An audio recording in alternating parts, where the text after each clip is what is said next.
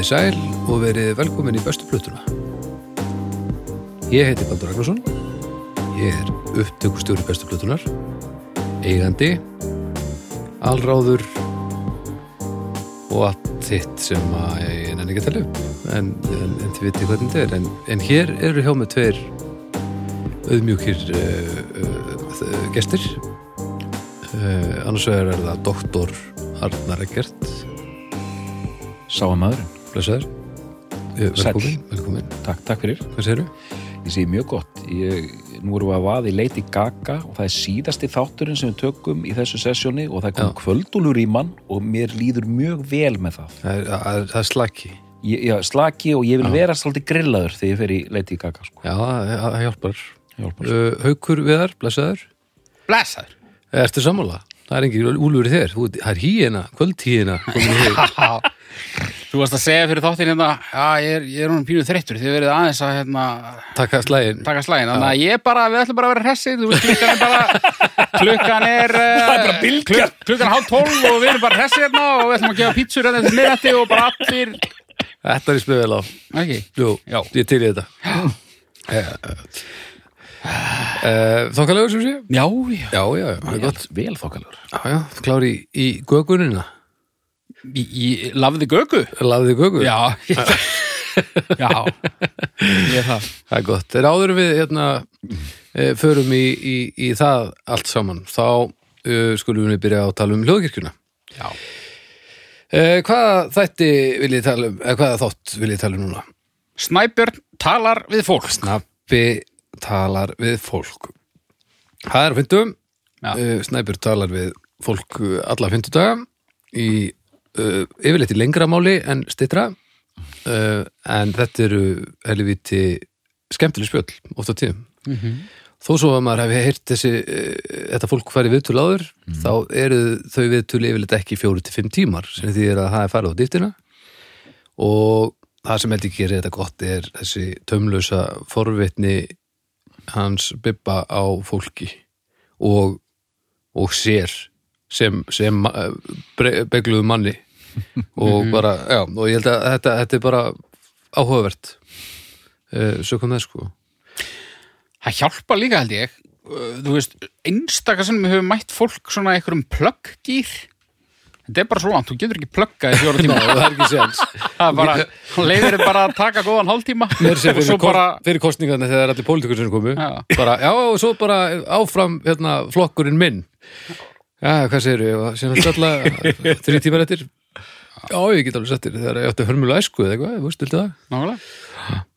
Þannig þetta að- er, þetta er allt saman uh, vel planað held ég. Já, en ég á eftir að hlusta ég er náttúrulega bara, hef ekki tíma til að hlusta á, á uh, eitthvað sem er fimm tímar þannig ég er ekki búin að hlusta á snæpi tala við fólk mjög lengi, nema bara svo stikkpröfur þegar ég er að vinna þetta á eitthvað uh, ég er til dæmis ekki búin að hlusta á þáttinu sem að Flossi, sem er með mér í drögu fortíðar, hann tók náttúrulega fjóra tíma viðtal við hann eða eitthvað sem er skilt að maður eigi bara að hlusta á af því að það sé alveg snilt uh, en ég hef ekki gefið mig tími í það og ég held að ég geti lært ímislegt um flosa og fengi útskýringar á mjög mörgu ef ég myndi hlusta á þetta spjall ég verð að spyrja það einu sko. Já. Veit, þú vilt hafa introðu stutt hérna en hérna, ég myndi bara allt í henni eftir í hérna, uh, í einhverjum snæbjörn talar við þátt, Snæpur tala við þátt. snæbjörn talar við þátt Já. þætti Já, um daginn þá var hann, hann var með eitthvað töffara stæla. Já, og þú köttaðir inn í þáttinn. Svalur! Og svo bara sjálf þátturinn áfram. Já. Spottaði hann þetta? Ég er enn ekki búin að minnast á það allavega. Já, ok, ekki heldur hérna básuruna sem ég setti inn í síðasta þetta ok, ég er ekki búin að það. Það er í lokin, minnum mig. Þar sem hann eh, segir eitthvað heimskulegt segir, segir eitthvað já, og svo heldum við áfram að tala alveg fullt eftir að hann fór eða eitthvað og svo tókstu, tókstu hérna Já, en nema ég gerði líka svona, svona stoppaði og spóla tilbaka hljóðið og spilaði þetta aftur og spóla tilbaka og svo kom básunuleikarinn og svo held árum. mjög gott Já, þetta er mikilvægt. Sérstaklega er Jón alveg magþróta eitthvað að vinna þetta tekur svo langa tíma, sko, það er ekki eðlilegt. líka Kemur inn, inn, þú, þá kemur inn svona sem editor. Á! Ég gerir þetta alltaf í tónlistablöðunum, sko. Það er kannski ykkur dómur og, og, og gaggarinn að segja eitthvað, það kemur stundum svona í svega út í rekin, er eitt stjóri. Já. Já, hann var eitthvað, hann var eitthvað djöðlan óþrandi, hann var eitthvað puh, ég gleymd að setja hérna, hérna vörnina á, puh, kuh, puh, tuh sorry Baldur, puh, tuh það er ég rétt. hafði nú ekki mikla þólum að vera láta svona á gamalsaldri það, Ég var að vona þú myndir ekki hérna, segja hvenar í þættinu það væri vegna þess að ég veit að snæput hlustar á þennan þátt. Það að hann þurft að hlusta í fjóra klukkutíma á sinn eigin þátt að það eru til að heyra þetta. Það eru eða eitthvað uh, sem að hafa inn. Þannig að Þetta er mikilvægt. Þetta er mjög mikilvægt. Það er, það er stundum að, að, aðeins að, að minna á sig. Einhvern tímann má ég koma með Óska svona. Já, já. einhvern tímann þegar hann segir eitthvað mjög asnalett en þá kötta inn og endur taka það með svona gi, gi, gi, gi, gi, gi, gi, gi rödd Ég er til í það. Ég er jafnvel að hugsa um að bara gera, taka bara eitt viðtal og taka það bara fyrir. Þannig. Já, ég Eða ég óvert upp alltaf að- það sem hann segir bara með þeirri rödd. Þetta er góð mynd. En snabbi talaði fólk er að fytum og tekja þessu. Hann er, hann er góður í þessu Já, og, Hann er það. og þetta, er, þetta er skemmtilegt. Eh, svo er það styrtar aðli, samstarfsaðli sem er með okkur hérna í, í hljóðkirkju fjölskyldinni. Það er nú góð kunningi bestu plötunar og hljóðkirkjunar í heilsinni, það er sjóvá. Það er sjóvá. Já, það er tryggingafélagið sem hefur aðstofað með við að, að líða ekki eins og sé hörmuleg uh, ósjálfberga uh, kjötrúa á þessari kúlu sem við þeytist á um, í, í, í geimnum. Eins og þetta að bara fá svona meldingu, jæja nú varst þú búið til nýtt fólk. Hefur ekki að tryggja þetta? Já, eitthvað svona, af því að ég er alveg off þegar kemur að þessu sko. og uh, það er ánægilegt og, og annað sem ég þykir mjög vænt um hjá sjóvá að framan af þá var hringt í mig sko. Og mér finnst bara ekkert gaf, mér finnst ekkert gott að græða svona gegnum síma sko. Og ég bara, getur ekki bara fært á e-mail og þá hérna, getur við fiffað þetta hannig og allt svona, það er ekkert mál að færa þetta bara á þann vettvang sem hann líði vel á og svo er bara, á, það, það verðist vera lagt svolítið upp úr því að lesa salin Já, sem, já, já. sem er gott fyrir, fyrir einhvern sem er ekkert sérstaklega góður að aðtapna sig í þessu umhverfi. Þá þótti mér vænt um það að mér væri tekið eins og ég er en ekki eins og það væri gott að ég væri. Já Ég tók einmitt svona símtalið bankaðan daginn og var eins og Homer Simpson allan tíman í símtalinu. Sko. Já, ég líka bara þegar maður segir eitthvað og svo ef maður svo miklar ágjörði það sem hvað maður sagði að maður næri ekki því næsta sem maður á að heyra og svo segir maður eitthvað annað og þá er maður komin og maður er orðin bara svona rembi flétta í hausnum á sér og maður er mögulega bara búin að tryggja bara eitthvað bústað sem maður á ekki þannig að það er, það er fallegt að þessi að maður, maður og það sé ekki vera að djöblast hún í manni sko. það, mér þykir væntu það. Enda veit ég að að, á þessum hamingju prófum og þetta þá eru sjó og alltaf mjög ofalega á, á blaði. Það er ánægja með þjónustuna og, og það, það er gott og gaman. Já, þannig að takk fyrir uh, hjálpina sjó með gerð bestu blötunar takk. Já. Eri, þá fyrir við í lafði gögu, Já, það er bara svoleiðis Gaga, Eh, úlala, bam, bam, bam, bam, bam, bam. það er ég það er þú, Það er það er ég. ekki ská, já, Já, já, já. Uh, hvernig vil ég gera þetta? Vá. Ég, ég held að við bara byrjum sko. við, við byrjum bara og gerum bara eitthvað sko. Þetta verður sko, við munum topp okkur, við, við bara, ég, ég, mikið fyrir sjálfsplögg, við höfum fengið mikið hól fyrir hérna lönu til reyðþáttin. Já, Já, ok Fengum hérna topp engun fyrir sko skilgreininga súpu bara allra tíma sko. Nei, ok, Að við bara náðum að lýsa lönu til reyð svo nákvæmlega í, hver sagði það? hérna, Hún sjálf? prófessor Viðar Halldórsson við Háskóla Íslands. Já. Ok, já, ég er sökkar fyrir að hann bara prófessorinn þannig að við erum, við erum komið hérna, hérna eh, við erum komið gæðavott orð frá Já, Háskóla ok. Íslands Já, Vitti Hall Viti Hall já, og ég held að þetta verður eh, þetta verður eitthvað svakalegt sko. já. Sko, við erum, við erum uh, núna í tvígang uh, á undan þessum þætti búin að taka svona þætti þar sem við förum yfir sögu, útgáfu sögu Já. mikið, já. mjög, Uh, mjög þú kallmannlegt tvær hljómsveitir mm hvorum sig með cirka 20 titla Já, ég, ég veit ekki hvort að ég hafi orku í það núna sko. Ég, held við, ég held við ættum að taka svona stemningstátt frekar sko. já, þetta er líka fíla. Við erum náttúrulega bara með, hvað, fimm stúdíóblötur Já, og e, e, e, ég er sammálaður haukur. Ef það er einhver listamæður sem er þetta að tala um eins og þú ert að leggja til þá er það Lady Gaga sko. bara, þetta, kannski bara nöðsilegt bara úr einu í annað held ég þessi bara Já, Já, prófum þetta. líkilóði ok, til ég uh, Lady Gaga Eða Stefani Joan Angelina Germanotta.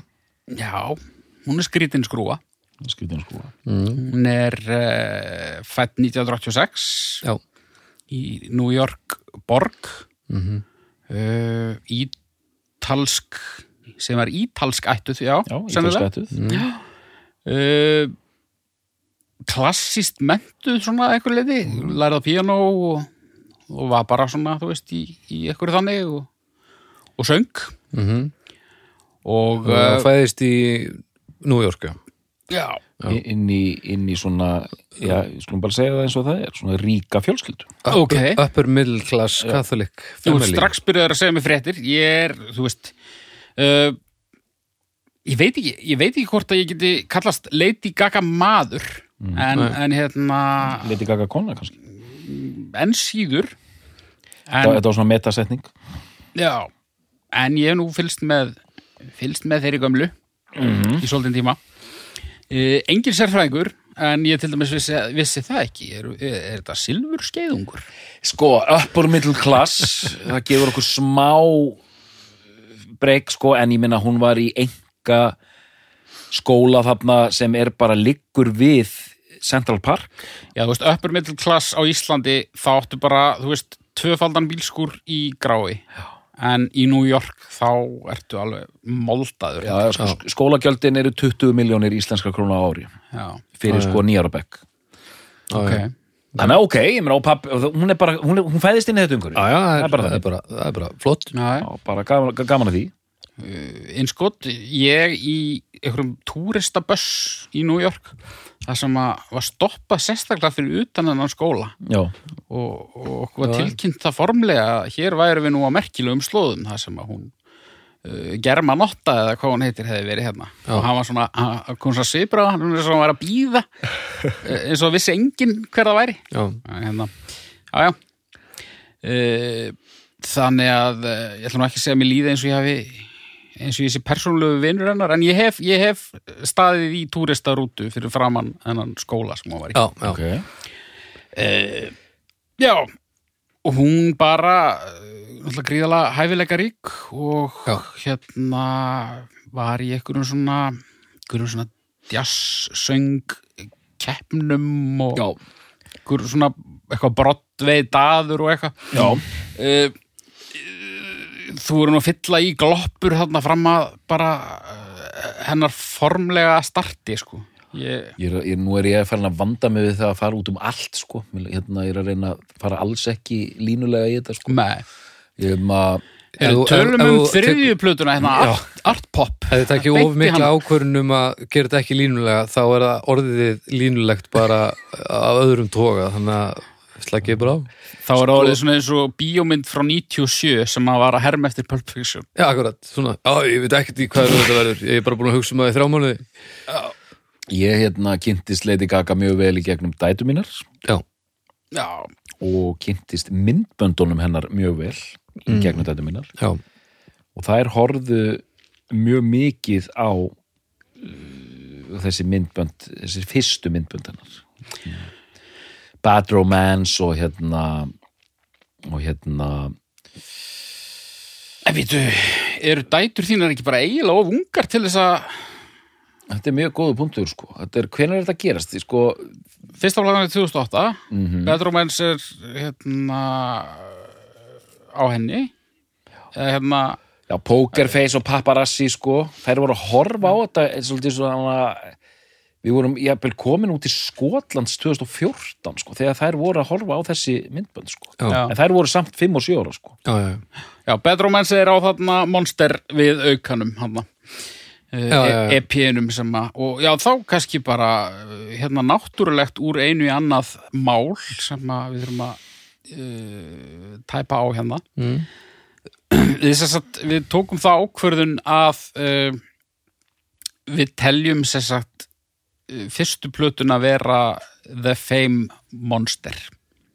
Við tökum sagt fyrstu plötuna Mm. og svo endur útgáfuna það sem að sem kom hann ári síðar. Já, það Já. sem að nýjum lögum var bætt við og, og hérna ok, var svo setna að gefa út sem einhver E EP ok, hver, hver er raukinn bara að, að þetta hafi átt upprunlega að vera eh, heildarverk.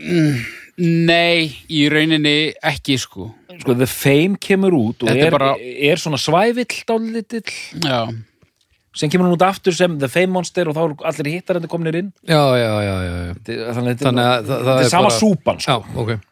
En við getum líka alveg kallað þetta svindl sko. Það er alltaf leið er já, er já, en, en, en uh, ég meina í rauninni er það samt það er samt í rauninni The Fame Monster sem færir okkur upphæfið af henni. Er það ekki? ok, en sko já, fyrir ekki Nei, ég hérna ég var að hugsa um það sem varst að segja sko, hún er að pota þarna í hérna einhver- einhverja, hvað heitir, söngleiki og svona mm. og er svona að reyna að koma sér á framfæri. Hún, ég held hún vilji er svo með vin okkar í Kiss það var bara mjög skýrt. Já, við ætlum að vera frægir og ríkir Mhm. og við ætlum, við ætlum að gera þetta. Þeim langaði í þetta. Ég held hún hafi verið þetta voru enga tilvílanir haukur. Nei, nei, nei, það held ég ekki. Þegar Fame kemur út þá er hún hvað, 22? mm, ég lillur að regna já, og var, er það ekki rétt að með rétt áður var hún eiginlega búin að gera samning við uh, einhvers konar stórt útgáfi fyrirtæki og var sko lagahöfundur já, og sem bara svona droppa hún því öllu sko. Já, og byrjaði að koma fram með svona teater ásamt vinkonu sinni eitthvað starlight. Já. Ok. Já, og svo bara fer hún þessa hefðbundnu pop leið af fyrstu plötunni. Þetta er bara svona, hún vinnur hana með uh, nokkrum pródúserum. Semur þetta að einhverju leiti sjálf, en uh, eins og bara svo oft í þessari tegund pop tónlistar, þá er rosalega erfitt að staðfesta það, þú veist, hversu mikið artistinn semur sjálfur. mm. Ég reyndi að leita mér þessar upplýsinga. Uh, ég veit að hún hefur samið fullt af lögum og hún er lagahöfundur. Hún hefur mér sér samið fyrir aðra. já, En allavega, ég veit ekki hvort hennar hlutur í lagasmíðunum er 70% eða 30%. Ég hef ekki hugmyndið það. Veistu það, Arnar? enga hugmynd sko Nei. En hún er það mikið á fyrstu tveimu plötunum með eitthvað drjóla sem heitir Red One. Uh, heitir hann það ekki? Allavega. Red One, jú, það, það er pródúseri Já, hann það er er, brotusin og hann, hann er að semja hann eitthvað. svo er hann einn fúsari Einn, what? fusari, Fusari, já. hann er Einmitt. bæði pródusent og hann semur hérna allavega eitt lag með henni Ég byrði að hlustundur afsökunar og hafa sagt mjög gelgilegt what? og, Sér, sko, við, einhver, já, einhvern meginn verður að komast inn í þetta en, og það kemur ljós betur á eftir að það er svo mikið meira heldur en bara músík í þessu líka sko, sem við þurfum að tekla sko. Já, já. já, Förum bara í plötuna. hvaða plötu valdir þú? Uh, sko, ég valdi plötuna The Fame. Ok, og síðan bara eh, hérna síðan bara spurði ég Arnar hvað finnst þér, telur þú með hérna, þú veist hvað og, og þá var hann á því að þú veist, hann sk- skilgreinir þetta bara sem sumu plötuna og ég hugsaði með mér, það henda mér bara ágætlega, út af því að þá verður þessi ljómandi fíni frumburður bara ennþá betri. Já. En þú hefðir valið hana samt sem áður? Ég hefði valið hana samt sem aður sko. ok, að hérna já. Bara, hvað þetta er þriði þátturinn rauða sem ég vel fyrstu plötuna. Eh, Póser myndu einhverjir sér já. Hryllilegur póser. Nei, nei, og, og þú, þetta er nú þetta er nú uh, hvað maður að segja? Þetta er hræri gröður sko já, og bæði sko The Fame og tala nú ekki um þegar að það er búið að splæsa þeim saman. Og það er nánast ekki þessi sama ég held að við þurfum að átt okkur á því við hérna gömlu kallanir hinn inni. Það er nánast ekki sama svona album hugsun og var hjá nei. hljómsveitir sem við þekkjum. Sem það er Nirvana eða Beatlarnir eða, eða hva- hvað sem það er. Mm. þarna kom alltaf þessi geisladiskar 60 mínútna plötur en þú veist, eru, þa- þarna eru allir þessir bangerar sem hún búin að gefa út. Já, hérna Paparazzi og hérna Pokerface? Pokerface og hérna uh, og svo eitthvað fleira bara, og, og þessi myndbönd og eins og svo oft auðvitað með, með þessar hljómsveitir með Lady Gaga, ég var svona að skoða af því að við þurfum aðeins að tækla það hérna á eftir, ok, hvað hefur verið skrifað svona fræðilega um hana. Já, það allar þessar fræðilegu greinar og það er endalust búið að skrifa um hana Já. frá öllum mögulegum sjónarhóttnum mm, og bækur, fullt af bókum.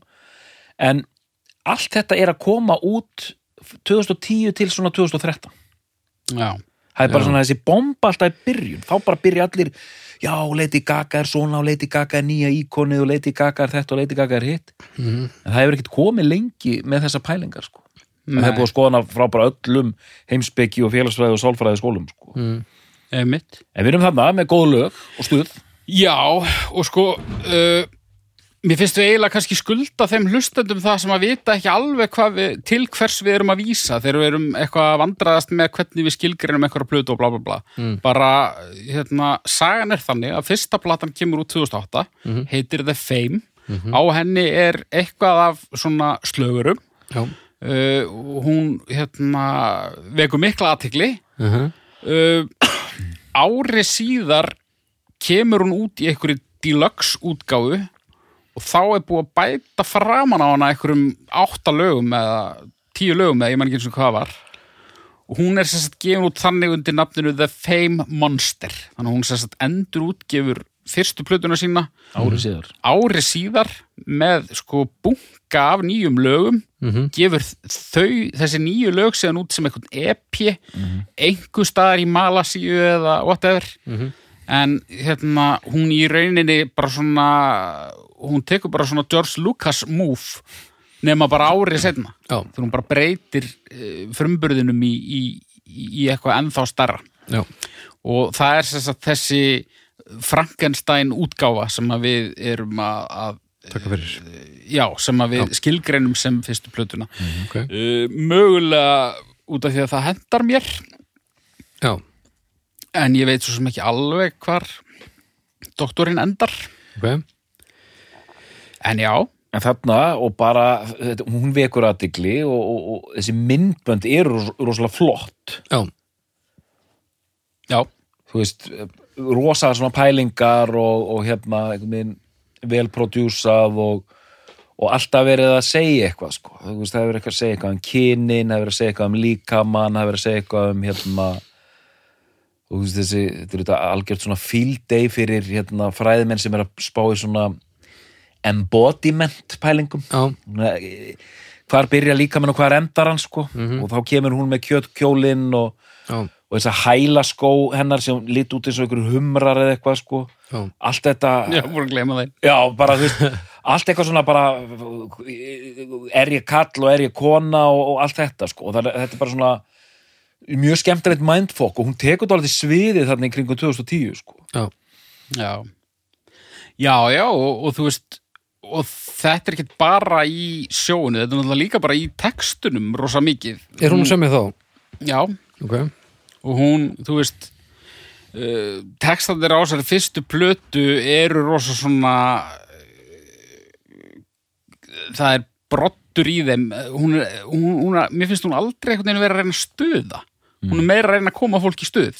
Og hún er að svona þetta er svona empowering dót svo við notumst við hérna já, orð sem miðaldra karlmönnum er ekkit sérstaklega tamt að nota. En hérna, þú veist poker face, þú veist ég vissi aldrei um hvað það fjallaði en svo þegar ég las um hvað það fjallar þá meikar það bara fullkomið sens hún er bara að syngja um pokerfésið þegar hún sefur hjá karlmanni en er að fantasera um að hún sé að sofa hjá konu út af því að hún Já. sefur líka á konum Já. og hérna og hún syngur um djamnestlu og uh, ástaræfintýri og, og, og alls konar Já. En hérna en sko ég alveg fyrst þá held ég hún væri svona sjokkartisti pínu sko. Já. en svo svona kannski eftir á higgja held ég hún hafi aldrei meðvitað verið þar svo, þú veist, jú, jú, kjöt, kjóll og allt það.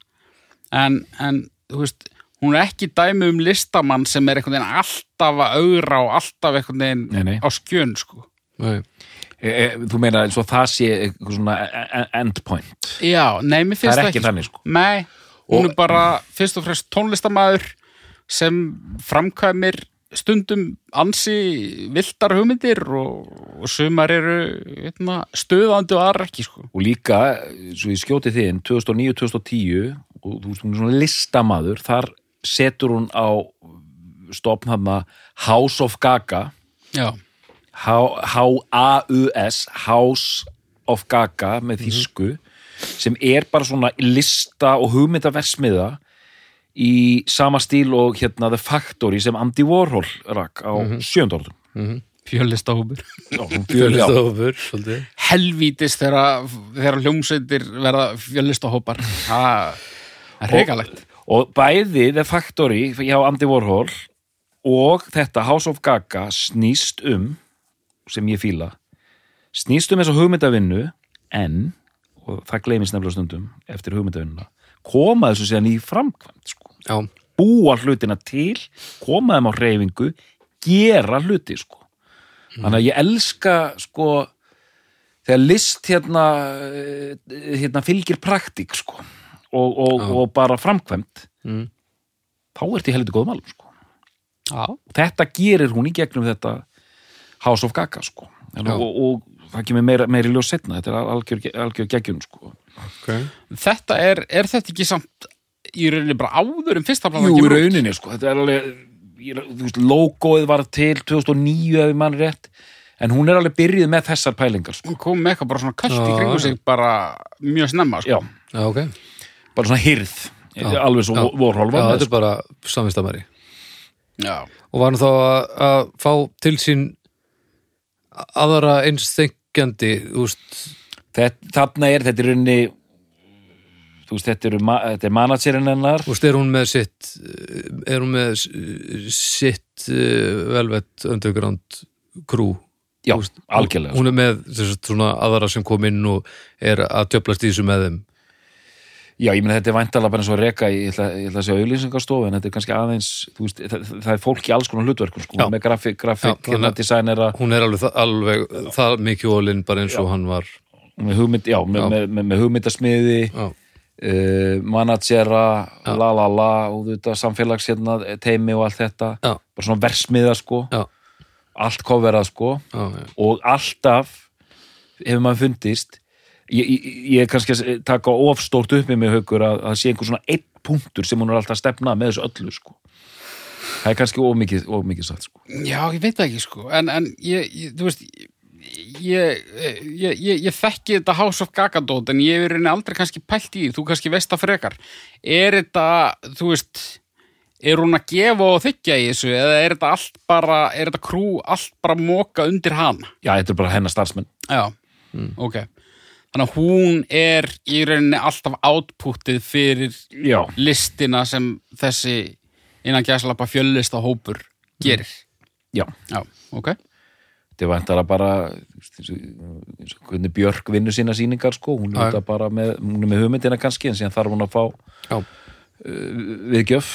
Já, einmitt. og það er alltaf svona, eins og með Björk og það er alltaf svona pínu og huldu hverjir þetta eru nákvæmlega sko já, já. þetta er oft svona U2 er mjög gott dæmi um þetta þeir eru með mjög mikið af svona baktjálta fólki Já, sem engi já. veit hvað er en eru með rosa stóra rullur já, já, já. í, í að halda þessu gangandi sama fyrir það er sama stofan sem hefur gert öll U2 umslög frá upphafi já, já, bara eitthvað eitthva fyrirtækjarna á einhverju hopni í Dublin sko.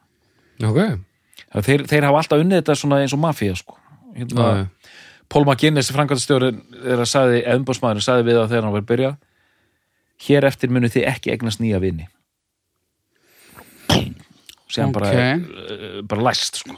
En ok, 40 ár pluss í að gera þetta og, og þau eru ekkert orðin betri í að gera plötum sko. er það ekki eitthvað skrítið eiginlega bara verri Það er bara stemmarinn menn eru bara menn er að missa það á stofunni í Dublin Já, já, allir hóttir hundaðir alveg. Ef að Já, höldum áfram, hans og gaga Allir að- stuði. ef að laug okkur aðeins í þessari plötu? Já, hvernig var það? Já, uh, Þú mátt byrja. Hvað er Þú mátt byrja, bara því ég þarf að klóra mér. Já, Já, við þurfum Sko- bara að fá einhverja titla hérna. Já, ég þarf bara að finna hana hérna þá í réttir útgáfu, sko. Já, það er náttúrulega, það er náttúrulega breytirinn er rosalega líka að þú veist öll lögin af upprunalegu The Fame, þeim er ítt bara aftan við nýju lögin. Eftirhlaðningar Já, Ok, en, en, en þa- þannig að þú veist hún byrjaði stert en, en Fame Monster byrjar þúsund sinnum, sterkari þú veist. En, se, en se, segðu mér áður, áður en Baldur byrja, segðu mér haukur, af því að þú ert svo mikill pop, hérna pop fagurkeri. Hvernig tónlist er þetta? Þetta er bara poptónlist sko. Tölvu pop, Já, poptónlist. Poptónlist. Þú veist uh, þetta svona þessi eurodans tónlist, mér finnst hún byrja svona uh, hún kemur sterkar inn á næstu plötu. Já, já, já þetta er kannski eh, innan hefðbundnar þú veist, þetta er ekkert eitthvað avantgardót Nei, nei, nei, nei, þetta er bara pop. þú veist, þetta er ekki, þú veist, á plötunum og eftir þá, þá eru lög bara sem hefði geta verið í Eurovision.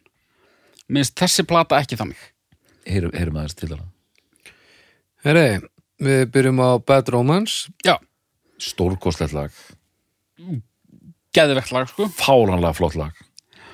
Og Já, þú veist, uh, eins og ég segi þó ég hefði valið The Fame uh, án þessarar án þessara viðbóta þá eru nú hérna lög á hérna, fyrstu lögin í viðbótinni sem eru bara með hennar sterkustu lögum sko, Bedro Menns sennilega uh, hennar sterkasta lag mögulega. Alejandro já, Mjög gott mér fannst það alveg umulegt Já, ok okay. en ég ég veit ekki hvað gerðist sko. Ég mér, fæ- mér finnst það alveg geðvegt er smá- Ég fæ smá abba-fíl sko já, Fernando Já, það Já. eitthvað svona smá tenging sko. já, ég, ég held að það er bara mögulega kannski bara verið ástæðan fyrir að mér fannst það glata mér fannst þetta eitthvað svona bara svona hallaríslegt mm. En- Þessi Red One uh, artisti er að semja þetta með henni þarna, fyrstu tvö og, og pródusera já, Við þurfum bæði, ja, bæði að báðar, ég veit ekki hvað Red One er. Já, mér finnst það frábært lag og ég bara tek allt tilbaka sem ég sem ég hef hugsað um þetta lag í hún tíðina. Ég hef nú sjaldan talað um þetta lag. Red One, sem sagt þessi náungi er morokoskur, sænskur söngveri, lagahöfundur uh, upptökumaður og pródusent og Já, já, já, þetta er þetta er international hljómur Já, líka. Um, já, hvert voru komin? Já, Monster, já, mjög gott. Lagnum þrjú með þessum Space Cowboy semur þar með þeim. Já, eh, Speechless. Já, það er hérna piano hérna eh, það, það er bara hljómsveit með henni þar. Já,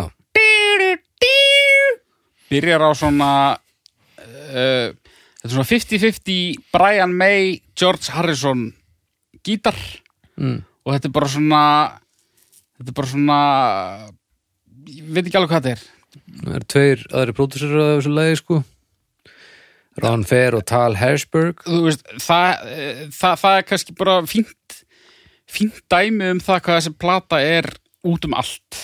Mm. það bara uh, hún er öll einhvern veginn elektrónísk og svo dettur inn bara eitthvað svona hljómsveitalag. Þetta getur bara verið, þú veist uh, bara einhver bresk pía sem hérna, Ronson gaurinn var að Mm. pródusera sko. En geggjalag Mm. og samanlega Nei, ég, ég er bara svona smá lost sko. Út smá lost já, Dance in the Dark. Já það er fínt svona aðeins fara að renna saman í eitt hjá mér sko. Telefón, það er með Beyoncé. Já, flott, flott. Ég er ekkert rosalega hrifin að því en það er ágætt. So Happy I Could Die. Já, nú er ég pínu týndur sko. Þessi, ég, ég var að halda að þú væri mjög vel skólaður sko. Og Teeth já, ég er tómur kofi. Okay. og þá líkur uh, þessum legg uh, af plötunni. Og þá á- æsast leikar á ný. Þá fyrir við hérna í, í uh, bara upprunulegu einhverju vegna þá fæ ég, ekki, Eftirhlaðningin já, fæ ég ekki að sjá þetta hérna saman. Uh, Just Dance. Já, það er- það er glæsilegt lag. Love Game, já, Paparazzi. Já, paparazzi það er nú meiri tjúfis snildin og eins og þið, eh, sko, það er þessi singlar og þessi vídeo sem ég horfði stelpunar bara gátt stelpunar horfði bara endalaust á Lady Gaga og Justin Bieber á þessum árum sko. Já, Já ég, held að, ég held að paparazzi sé besta lagið á, á hérna, óbreyttri útgáfu plötunar mm. ég, ég held það sko. Það er líka svona alveg það, það er eins og hún hafi samið það bara fyrir mig. Já, það er svo það er svo högslegt eitthvað. Já, já Pokerverse? Já, gott lag. En samt pínu pínu pirrandi líka. Já, já, það er það. Það og kannski hvernig þá? það er bara Það er svona eins og einhver sé að það er bara svo, svo mikið í andlitina eða eitthvað. Að þetta ra, ra, ra, ra, na, þú Já. veist, La, la, úlala, la, la, já. Ef þú ætlar að vekja einhvern og vera óþólandi þá getur þú þeim sungið þetta mjög öll og það, það neglir þetta já Pa- pa- pa- pa- pa- pa- pa- pa- Poker face og hérna og kannski bara núna er tímapunkturinn til að tala aðeins um eitt sem að ég veit ekki hvort fólk sé almennt sammála með sko. mér finnst mér finnst lögin hennar góð mér finnst hún góður tónlistamæður Mm. og hún er alltaf frábær sönguna Mm. en uh, mér finnst hún uh, illa pródúserið oft Já, mér finnst hérna það er eitthvað við hljóðheimin sérstaklega á þessum fyrstu tveimur plötum uh, sest, Fame og Fame Monster og svo hérna Born This Way mm. sem að hérna uh, mér finnst oft eitthvað svona demo Mm. bragur á sándinu og, og skert. Nei, eiginlega of svona kóðnað já, eiginlega svona Þetta er Red One gaurinn sem pródusir þetta til dæmis. Já, ég held að hann sé engin uh, ég held að hann sé engin aukvisi sko, ég held að þetta sé eitthvað svona smekks Já. mál sko. Já, og, og þú veist, eins og til dæmis hann er alveg með hérna- þokkalega lista hann er sko fættur 72 Já, og já, já, hann er með Michael Jackson og Lady Gaga Akon uh, U2, Nicki Minaj. Jennifer Lopez uh, Mika og uh, Enrique Iglesias, Shakira hann er með, já, þetta liði allt saman bara þú veist, ef þú tykur lag eins og Pokerface mm. það hljómar miklu minna eins og uh, svona pop þess tíma Mm. uh, og miklu meira eins og eitthvað bara eins og Peaches eða eitthvað Já, Já. og þú veist Bad Romance það einhvern veginn hljómar öðruvísi en svo ertu með hann pirrandi þessa pirrandi smelli sem kom alltaf mm. sem eru svona eins og svona ég, ég veit, þetta er eitthvað svona elektrónisk svona, svona þú ert í, í tónlistaskóla með svona tvo svona tré staura að lemja þeim saman, Hva, hvað heitir svo leis? svona klafis svona. Já, eitthvað svona elektrónisk eitthvað sem er svona allt og hátt miksað og þetta verður veginn Já. þetta er bara eitthvað súpa þannig að uh, já burt sér frá öllu sem ég finnst um þessa plötu og allt gott sem ég hef um hann að segja Mm. þá finnst mér uh, hljómnum oft ábóta vann Ok Áfram Tengir lögin eða? eitthvað við þetta sem ég er að segja Arnar? uh, eða þú baldur hérna já, ég bara og, og, og þegar maður fær þessa skýringu að þessi gaur hafi síðan þessar fyrstu tvær og síðan er Ronsson er það ekki að mestuleiti komin á, á restina? Jú, en þetta er, nei, þetta er ægileg samsöða sko á þessum plötum sko. Hann, en Já, já, hann var bara, hann, vúst, hann eins og pókafesa þegar maður tala um það, það er þessi Redwood náungi. En paparazzi er, er fúsarinn. Já, einmitt Nei, en, en, en þú veist þarna Þú ert að tala um einhverja bara klostrofóbi Ætli hún hafi farið til einhvers og spurt herðu, uh, getur þú lánum með fúsara? Ég er að gera plötu Örglega. Eftir miðnætti, ég myndi nú segja þessi verið nokkuð góðu með klukkan átta yfir miðnætti sko. Já, já En, Er það að tala um svona demo eiginleika á þessu? já Var, var Ted hérna skelling að, að eiga við þetta? Kennarinn í Kolbótt þetta sándar ekkit uh, ekki að neinu leiti sándar þetta illa. En ég er bara einhvern veginn svona músík sándar alltaf svo ógæðislega það er bara einhvern veginn það er bara búið að mixa þetta og mastera þetta og effekta þetta svo búið að útpæla þetta svo. Þetta hljómar alltaf einhvern veginn svo ótrúlega slípað og bara svona eins og mér finnst það svona tónlist mér finnst svona tónlist hljóma best hannig Mm. þannig að þegar það kemur upp á brot á það sem að ég held að þarna í þessu tilfelli sé viljandi mm. að þá allavega staldra ég við og hugsa já en ég veit það ekki Mm. kannski er það bara smekksadri en kannski er bara eitthvað í þú veist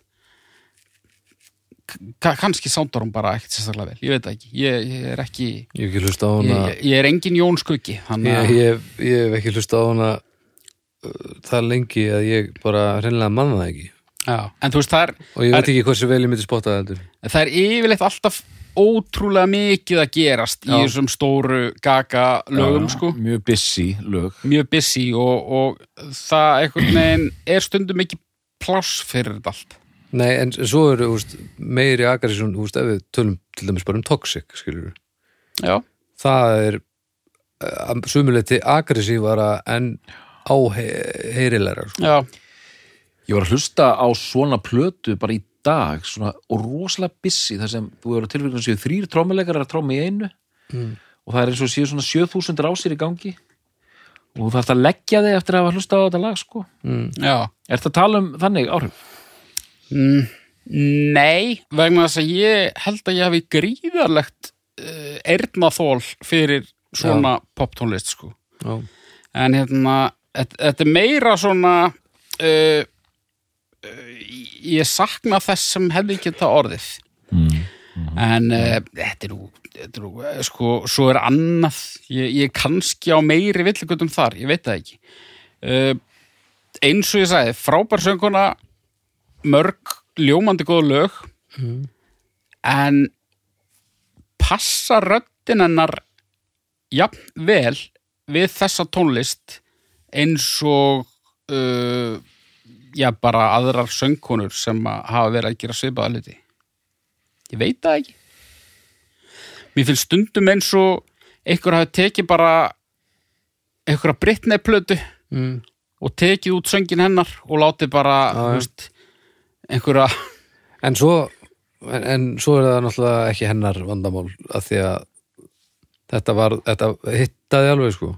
Já, já, það, fólk var ekkert að pæli þessu sko. Fyrst er þetta hljóma eins og bara Pieces plata eru tekin og röddin á Adele sett ofan á? Pínu, Mhm. pínu. Og hérna, ne, nei ekki pizzas.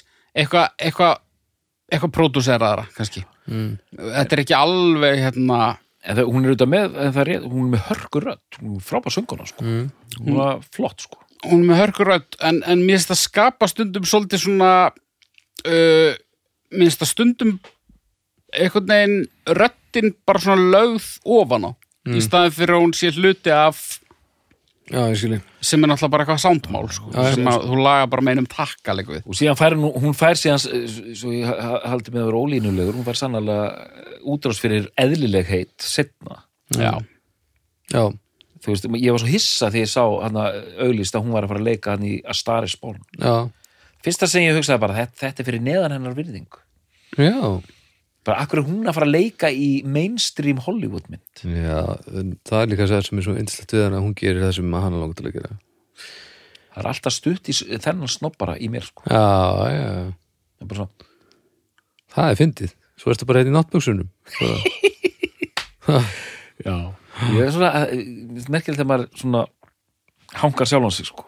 Já, Já, já, en þú veist, þessi plata hún rennur vel í gegn þó að, hérna, og við segjum þetta örgla, já, allavega öðrum hverjum þætti að, að hérna, við veljum bestu blötuna en, en svo þegar hólminni komið þá eru nokkur lög hérna sem eru kannski ekkit, já sko ekkit alveg í sama geðaflokki en ef ég renni gegnum restina þá er það e, e, e, nothing else I can say. Já, e, e, e, það er uh, auðlalegt en skemmtilegt. Beautiful Dirty Rich. Mm, man ekki alveg, The Fame, já, Money Honey Starstruck man ekki, featuring Space Cowboy in Florida. Eh, Boys Boys Boys. Já, það er gott lag. Paper Gangsta. Paper Gang Brown Eyes. I Like It Rough og Summer Boy. Já, það er svona uh, hún byrja stert fjara pínu út og svo kemur uh, eldri útgáfan byrjar mjög stert og, og fjarar hægt og ról út. Við getum, við getum orðað það þannig. Já. En hérna ok, uh, hvað er hún lengi í þessari uh, blótett útgáfa þarna? sko ég var eitthvað að reyna að finna þetta og það er rosa erfitt að fá að sjá upplýsingarnir um þetta saman sko lengð 84 28 og EP er 3409 Já, ok En ég meina, þessi plata er fullkomið dæmi um það sem þú ert alltaf að rausa um hérna. Mm. Það hefði alveg mátt hérna, af tvöfalda þetta, já, höggva þetta taka uh, betri helmingin af hvoru verki fyrir sig Mm. og henda rest og þetta er superblötu já, Já. og vera með bara skoteldaplötu. já, akkurat Já, já, já, já. Já, svo hérna uh, gefur hún út þarna fjórar plötur til viðbótar, stúdíoplötur Já, Born This Way, Art Pop, Joanne og Chromatica í fyrra 2020 ég er búin að vera með svona munnræpu hérna, Arnar, heldur, Ég ætla bara, ég ætla bara eftir með þetta að því að hún er þannig listamæður, við þurfum eiginlega að tala meira almennt um að vera að hanga í þessum plötum. Hérna, eftir, hérna, eh, eftir The Fame, þá var rosa mikið spenna, mikil suð í gangi. Já, Ég ætla að afgreita mjög fljótt ykkur. Hérna, og það var mjög mikið spenna fyrir Born This Way sem var rísa plata, mm. og voru rísa singlar hana, Mary the Night og hérna, hérna, of Glory. Og Judas. Judas, Born This Way og það hefur verið sko það, við tókum upp þrjá þætti í, í þessu sessjón, þetta er allt búið að vera svart og mála sko, Kiss og Dark Throne. Og núna Lady Gaga, hún er svona það er svona motorhead flip og svona mjög, allt mjög svart og kalt mm. á svona plötu. Mm síðan sko uh, rennur þetta art pop kemur út að henni var nú fálega tekið. Maður kom með tvö örstu tilskot um Bonnis Way bara. Uh, ljótasta plötu umslag sem gert hefur verið nokkuð tíman Já, það er ekki, ekki gerir negla Ertu með mótorhjóla umslagið þannig fyrir fram mig? Það er svo ljótt, guð minn almáttu sem það hafi- hausinn á henni er hann Sko hausin á henni, það er eitthvað svona alternate, það sem er bara hausin sko. Nei, Hérna erum við með, hún er einhvern veginn Já, þessi, já, Já, þetta er nú ljóta djöfissi straslið Ég Hvað gert var að þarna hugsa? ég held að það hafi verið gert á, þarna, á hotni í Dublin held að hún hafi heyrt í YouTube bara. Með MS Paint. Já. Og hitt er það að þarna sko, og við komum kannski betur að því hérna rétt á eftir uh, hún sem svona gay icon. Mm, og uh, mig langar nú ekki að tala óvarlega um þessi málefni en svona sko ef að það er til eitthvað sem heitir svona svona, svona queer euro disco pop þá er það allt saman þarna. Hún er, þetta er bara svona þú ert að okkur um næturklúbbi í Evrópu. Já. og það er sándið á þessari plötu. Og það finnst mér kannski helsti munurinn. Fyrsta platan er bandarísk Born This Way er það að einhverju leiti líka mm. en hún er líka rosalega evrópsk og rosa mikið hérna, einhver, einhver homaklúbur í Berlín sem já, já, og, og frægðin ekst bara hægt og, eða þú veist, hratt, hratt og bítandi og það er þetta sem við kallum Little Monsters hérna, þetta er svo Slipknot talar um hérna. Maðkana? maðkana sko, hún á sína maðka líka. En svona, ég ætla bara art pop kemur út þá er eins og hún finnist, hún þurfa aðeins að henni var fálega tekið, er það ekki rétt að mér haugur? Uh, hálf misamni plata í, sam, í samhenginu jú var henni fálega tekið samt ekki hún, nei, nei, eftirlega dóma þannig en, Já. en ekkert með við en jú, eh, blandað og, En- og beinvísun í vorhól hann 61 af 100 uh, á Metacritic til dæmis ja, sko, þarna er þarna er sándið sko. þarna er Ah. komið sko. já, þarna erum við komið með þetta ofur kompressaða ógeðslega artificial sound sem að sko sem ég dyrka já, þetta er einna sko við erum með allar Prodigy-plötunar Mhm. og svo erum við með Invaders Must Die sem að er þetta sound mm. við erum með Britney og svo erum við með hérna Femme Fatale, þar kemur þetta sound Mhm. við erum með tónlistakona sem að ég var vonast til þess að við gætum farið í gegnum heilan þátt um Lady Gaga án þess að nefna þessa tónlistakona nafn við erum allar hennar plötur og svo erum við með Confessions on a Dance Floor sem er þetta. Og art pop er það. En lögin eru bara misjöfn. Sum eru frábær Mm. önnur eru ekkit sérstök. Nei. Li- listagóð hljóðgreining hann sko. já, frá manni sem ekkit veit um hljóð en veit þó hvað honum líkar. Já, þú heyrir það. Já, ég held að. Veit bara ekkit hvað hlutirnir heita. Nei, og ef við tökum þessar eðlilegu hljóðvarsplötur þá er kemur næst eh, plata sem ég er eftir með botni í. Er það ekki að fara uh, í, í Tony Bennett ég, nei, nei, ég ætla að býða aðeins með það. Ég ætla að býða aðeins með það ég ætla að nefna næst hérna Joanne. Já, já, sko, hvað segir þú, Haukur? Ég er bara, að því að tala um hana sem er svona organic, amerikana pop og rock, ég er ekki að heyra þetta af hverju af hverju gefa svona listakonur alltaf út á einhverjum tímapunkti Mm. svona alvarlega plötu sem heita svona einföldu kvenmannsnafni með svona minimalísku gáfveri Já. þetta er alltaf þetta er það sama, þetta er svo ef þú myndir hérna þú er búin að gefa út einhverja plötur og, og nú vilja fólk takki malála, þá kemur Haukur, haugur já. einhver svona ljósmyndaðir sæmilega nálægt sko. Já, hún greinlega að gera þetta ágætlega Haukur. Já, já, þessi plata er fín sko. Hún er ekkert eitthvað frábær.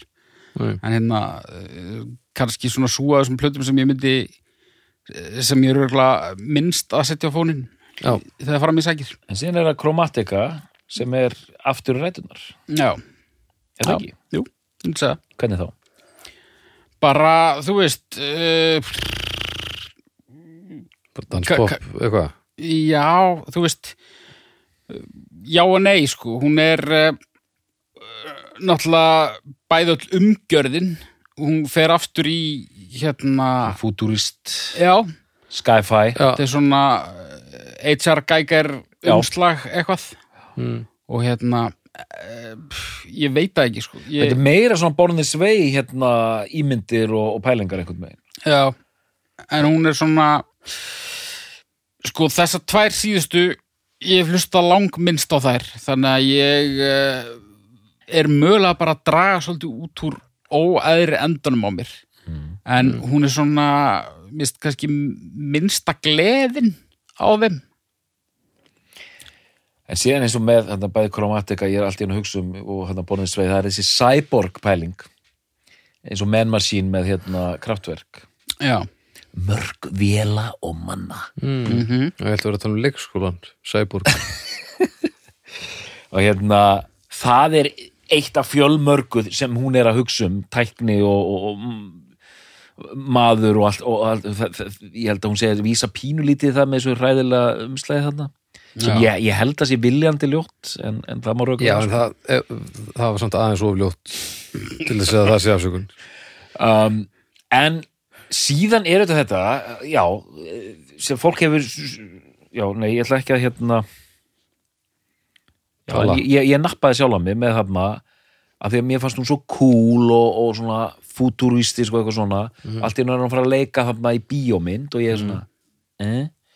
Og nú er hún að fara að leika hann í Gucci myndinni þarna eftir hann þarna ekki bara hann hérna mafíuleikstjóri hann hérna er það Ridley Scott sem er að gera þetta Uh, House of Gucci. Já, býtu, er það reyðlega skott? nei, er þetta ekki bara er það ekki Scorsese? Er að- þetta ekki bara Scorsese sem er að gera þessa mynd? Nei, ég held ekki ég, ég, Þegar þú segir það, ég held að það gæti bara reynlega verið reyðlega skott Allan að hún er að leika einhverjum gæð, stórum myndum og tekur sér tvær plötur með Tony Bennett Já, Já, og, og er það ekki bara fínt? í ítölsku rétt sko Ég hlustaði ekki á þær. Ég ætla bara alveg að játa það. Ég tel mig vita nákvæmlega hvernig þær eru. Ég held að sko, það verður alveg rétt fyrir þér líka. Þú veist, þetta eru bara coverlög og Já, já, Tony Bennett syngur eins og hann syngur og hún syngur eins og hún syngur þegar hún er ekki í, í tölvu hamnum. Já, og þetta er vantalega bara vel framkvæmt og, og, og fínt fyrir það sem það er sko. en hún alltaf bara uh, sýnir það alltaf meira og meira og hún er bara svona hún er alliða söngkona og það kannski gleymist svolítið bara í öllu þessu uh, öllum þessum hérna allir, all, allir þessari klikkun þessum visualum og, og kjötkjól og eitthvað Mm. að hún er náttúrulega mjög góð söngkona nattkjöt kól eða Vá. Vá, mér tókst ekki svona að segja Nei. Sko, veist, ég, ég, ætl- ég ætla ekki að vera með yfirlýsingar hérna uh, langbesta svona þú veist, ég hef svo sem ekki vit á því, en hún er með mjög hún er með mjög góða rödd og hún er með mjög gott vald á röddinni og hún er með fjölhæfa rödd. Hún getur sungið hátt, hún getur verið látt niðri, hún er kraftmikil. Uh, getur verið djúp. Hún er, hún er ekki svona ekki þessi ráma kvenrödd sem að mm. þær eru oft þegar þær eru þarna niðri þá eru þær svona rámar en hún er eitthvað neginn alveg perfekt sko. En hvað með ásakanir um uh, að hún sé bara Madonna rip-off? ah, Það kom orðið. Hérna kom orðið sko. Þú verður að blípa það.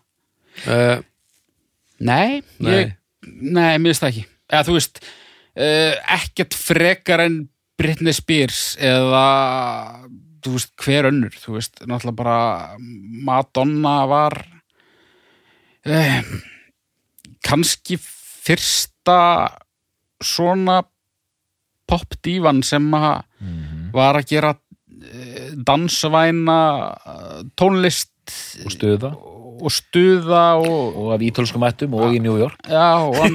Já, svona eitthvað að notast við hérna uh, ja, mér langar ekki einu svona að segja eitthvað að, að hérna, flagga kynþokkanum vegna þess að mér finnst Lady Gaga í rauninni aldrei hafa verið það sko.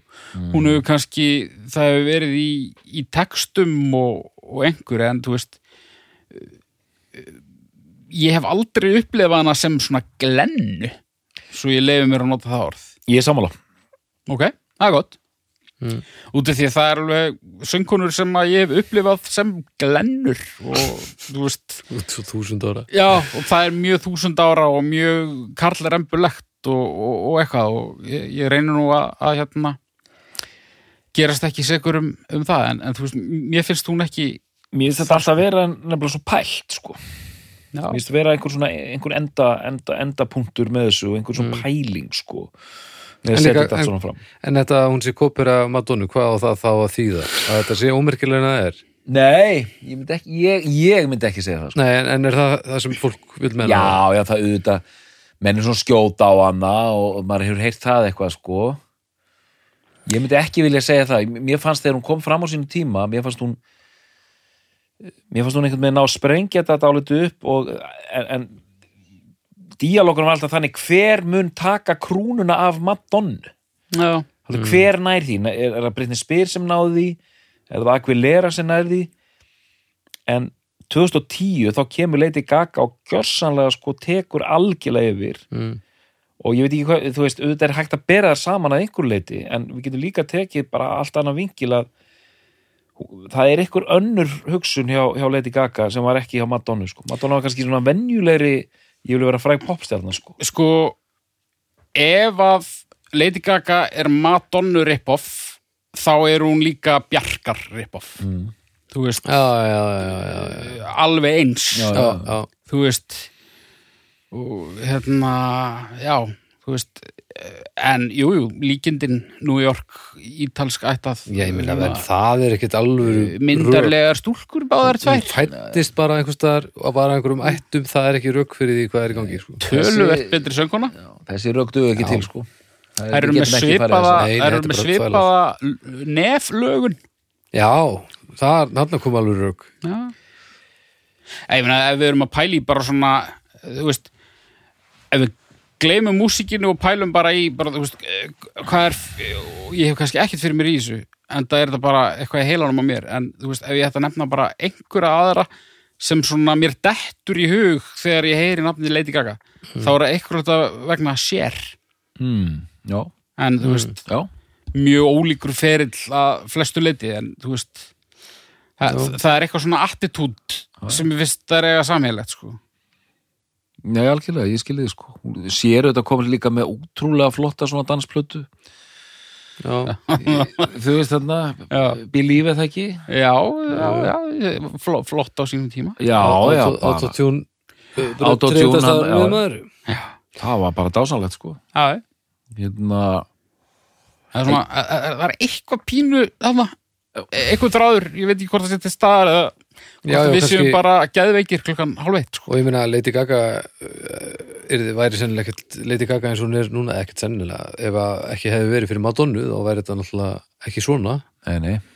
En það er líka bara allt í lagi. Það þýðir ekki að einhversi rángstæður sko. Nei, alls ekki, þú, þú byggir á og, e, Þú veist, bara svo við förum hérna aftur í síðasta þátt bara átti einhver að vera að horfa bara á, á þú veist bara emperor og segja hann er bara kópera hérna varg.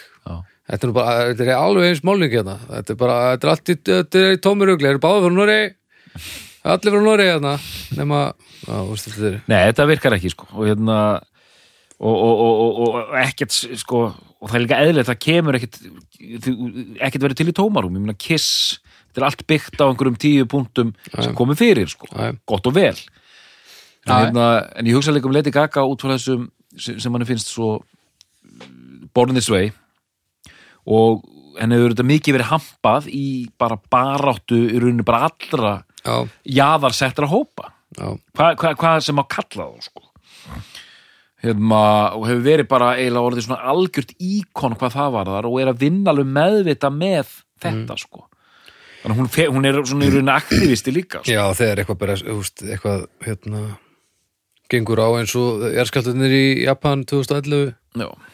þarna sendaði flóðbylginu eitthvað þá var hún bara búin að og hálfur miljón bandakja dólara bara, bara kortur eftir þetta eitthvað. Hún, hún stekkur til og greinlega lægt sem ég- varða sko. ég held þú sé ekki drullu svo okkur sko. nei, mér sýnist ekki sko. Hún vörkar þetta sko, það hefur verið skrifað um það að hún var fyrsta popstjarnan bara í heiminum sem eh, virkilega sko hagnýtti samfélagsmiðla til að tengja sig við aðdáendur já, já, Hmm. búa til community Little Já. Monsters og allt þetta og hún var bara, af því að hún er á þeim tíma hún var algjör brautriðandi í, já, í því að koma því í gang sko, og búa til einhvers konar samband milli sín og, sín og aðdáðanda sko. þannig að hún er búin að er búin að vera rosalega öflugur svona á með mörgum út frá mörgum vinklum og síðan þessir sjokkfaktorar, hvað getur kallað það kjötkjóllin og humar hérna skótnir og það allt sko. Og þar sem hún er bara svona gangandi listaverk hún sjálf einhvern veginn sko. Já, þannig að þú veist já, það er bara magnað sko. Kjöt, kjöllin og humarskúrnir vá, ekki sko og bara líka kjötkjóll, það er eitthvað svo black metal. Það ætti að vera og sem kemur hún á okkur á velun að hátta einu sinni klætt sem karlmaður hann að það veist vera kærastinn sinni eða eitthvað líka sko já, rámar eitthvað þetta, var hann ekki í svona eitthvað svona, var hann ekki svona eins og eitthvað teinóttur 30 gangster jú, jú, kallaði þessi Joe Calderone. Já, og mjög bara flott. Það var búið að svona ma- maður svona þekkir hann af alla sko. Já, já. og þú veist það er alltaf, þá er alltaf að segja að þetta er nú bara Grace Jones rip-off eða whatever. Og henni hefur einmitt líka verið þakka mikið fyrir það að hún er mikið að spá það sem er hot topic í dag Mm. svona hérna kynjaflæði, þetta gender fluidity sko, Já. tvö kyn, þrjú kyn, fjögur kyn, ekkert kyn, whatever hún er búin að vera algjörlega forvíi í þeirri baróttu Já. hérna transfólks og, og, og því öllu sko Mm. því líku lið, liðsmaður uh, sem það fólk hefur sko og eins og ég segi, þetta er, að, þetta er þetta er svona hot topic í þetta sko Já, við erum svona boring hvítir karlmenn sko Já, svolítið hrættir. svolítið hrættir veist, getum ekki bara verið eitthvað annað sko það er ekki bara gaman Ég get líka sagt ykkur það að ég er með sláandi tölfræði hérna sem ég ákvaða að reikna út núna í döðatímarum. Eh, það er sagt uh, 200 já, að Lady Gaga hlustunarhópur hennar á Spotify er 260 sinnum meiri en Dark Throne. Ok. Þannig að, já, ef við erum með 260 Dark Throne í svona súpu, þá erum við komið með sama hóp, sko. Hvað eru við með í monthly þannig? Eh, hún, Já, hún var með einhverjar hvað var ég með 39 39 miljónir rúmlega já, það er miklu minna en Lana Del Rey. Svo nú því við vorum að pæli, já, vorum að pæli í þessu þá. já, það, Já, núna þegar Dark Throne gefur út plötu þá fer hún inn á topp 10 í Nóri ég skilur nei, eða Anna Del Rey með 21, nú, 22 tæpar já, það er nú eitthvað breyst. En, nú bara- en kannski var, hérna, já, þegar þú segir það, mér minnir að hún hafi verið eitthvað í, eitthvað sleikja 30 Já, ég meina Madonna er bara með 16 sko. Já. En ok, það er uh, ágætur inngangspunktur í, í eitt sem ég langaði að segja mm.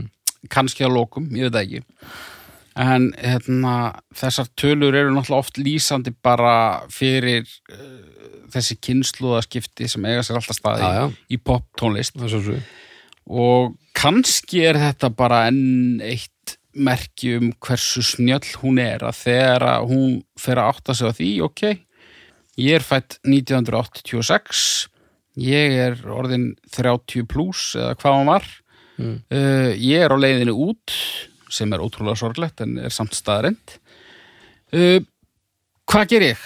Jú, ég ætla að láta tilnefna mig til Óskarsvæluna fyrir besta leiki aðalhutverki fyrir bíómynd sem ég ætla að leiki mm. þetta er alltaf bara bara algjör snild að þarna er búin að framlengja sinn feril töluvert mm já, já. Uh, því miður er það þannig að, að það er líka síðasti söludagur á, á Hollywood leikonur út af því að heimurinn er, er fáviti Mm en sá dagur er þó kannski svona 15 árum setna þannig að ég, ég held að hún hafi verið búin að hugsa þetta allt saman til enda sko. Já, ég held að segja lítið klár sko. Og svo náttúrulega og hvað gerur hún að eftir það? geta þetta líka? Mm. hvað gerur hún eftir það? Það veit enginn, en þá, nema hún kannski. Herri, uppgjör. Ég ætla ekki að, ég, ætla, ég, ég var ekki að reyna að stýra þér í uppgjörið sko. Nei, ég, ég bara þetta er bara búið að vera helviti gott og nú tökum við uppgjörið. Já, og uh, svo klárum við þáttinn. Já. Ég er bara gladur að hafa komið þessar tölfræði að uh, Doktor, skulum byrja þér. Já, ég sem sagt endaði þetta er að verða vandræðalegt mm. ég endaði á sömu plötu og haugur Nei, sko. En, og það er bara mjög einföld ástæð fyrir því, ég, mér var kastað inn í þessi myndbönd og, og þegar Lady Gaga var að byrja og, og, og fannst það allt rosa flott og tengdist því og fannst það rosa skemmtilegt. Mm. þetta er svo plata sem ég þekki best. Uh, This Way hefði svona, setja hann í svona annarsætið. Ok, ég var ekkert mjög impressed af þessum uh, síðustu. Kromatika kannski, jú allavega.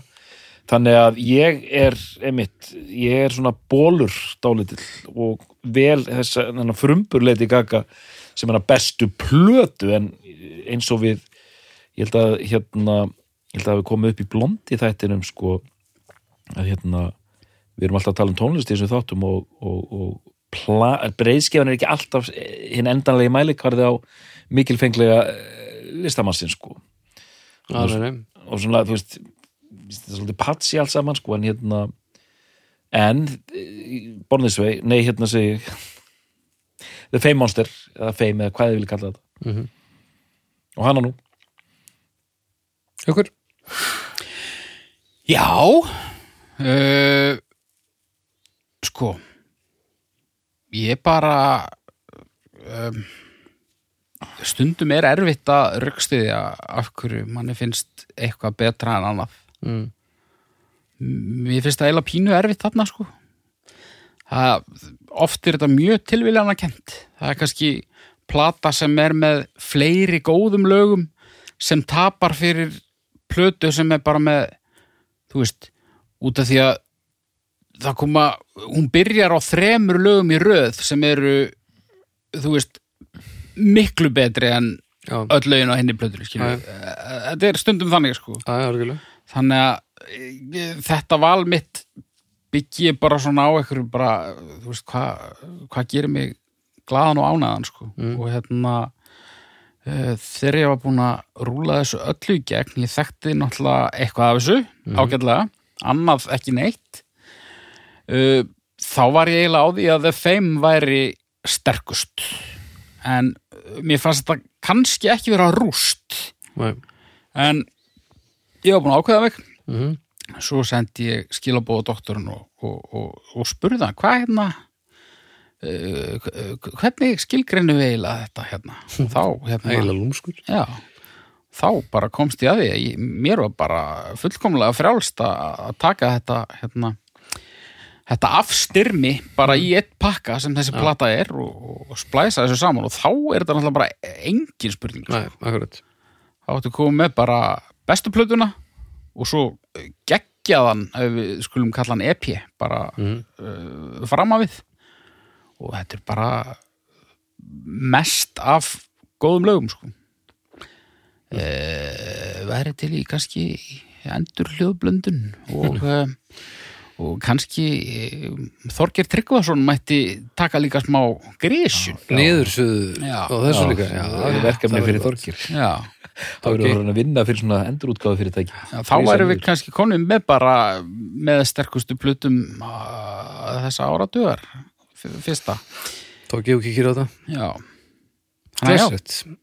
Mjög gott. mm. ég held bara alltaf svo mikið með henni Mm. það er líka, mér finnst það mikilvægt. Ég, ég var byrjað að halda með henni löngu áður en ég byrjaði að fíla hana. Já, já, ég hef alltaf haldið með henni. Það er bara, maður finnur grunna attitútið mjög fljótt í, í þegar maður sér hana. Mm já, hún er ekki að fela það neitt sérstaklega mikið. Með og svo er hún bara frábær sönguna þó hún Já, verði á einhverjum tímapunkti ekki móðins að þá er hún bara djassa eitthvað eitthvað staðar og það verður bara örgulega ljómandi. Ég, held- ég litlar ágjur af henni. Ég líka. Þannig að Haukur Er þetta besta plata Lady Gaga? já, Doktor Er þetta besta plata Lady Gaga? Já. Við þakkum fyrir í dag og við heyrumst að viku leiðinni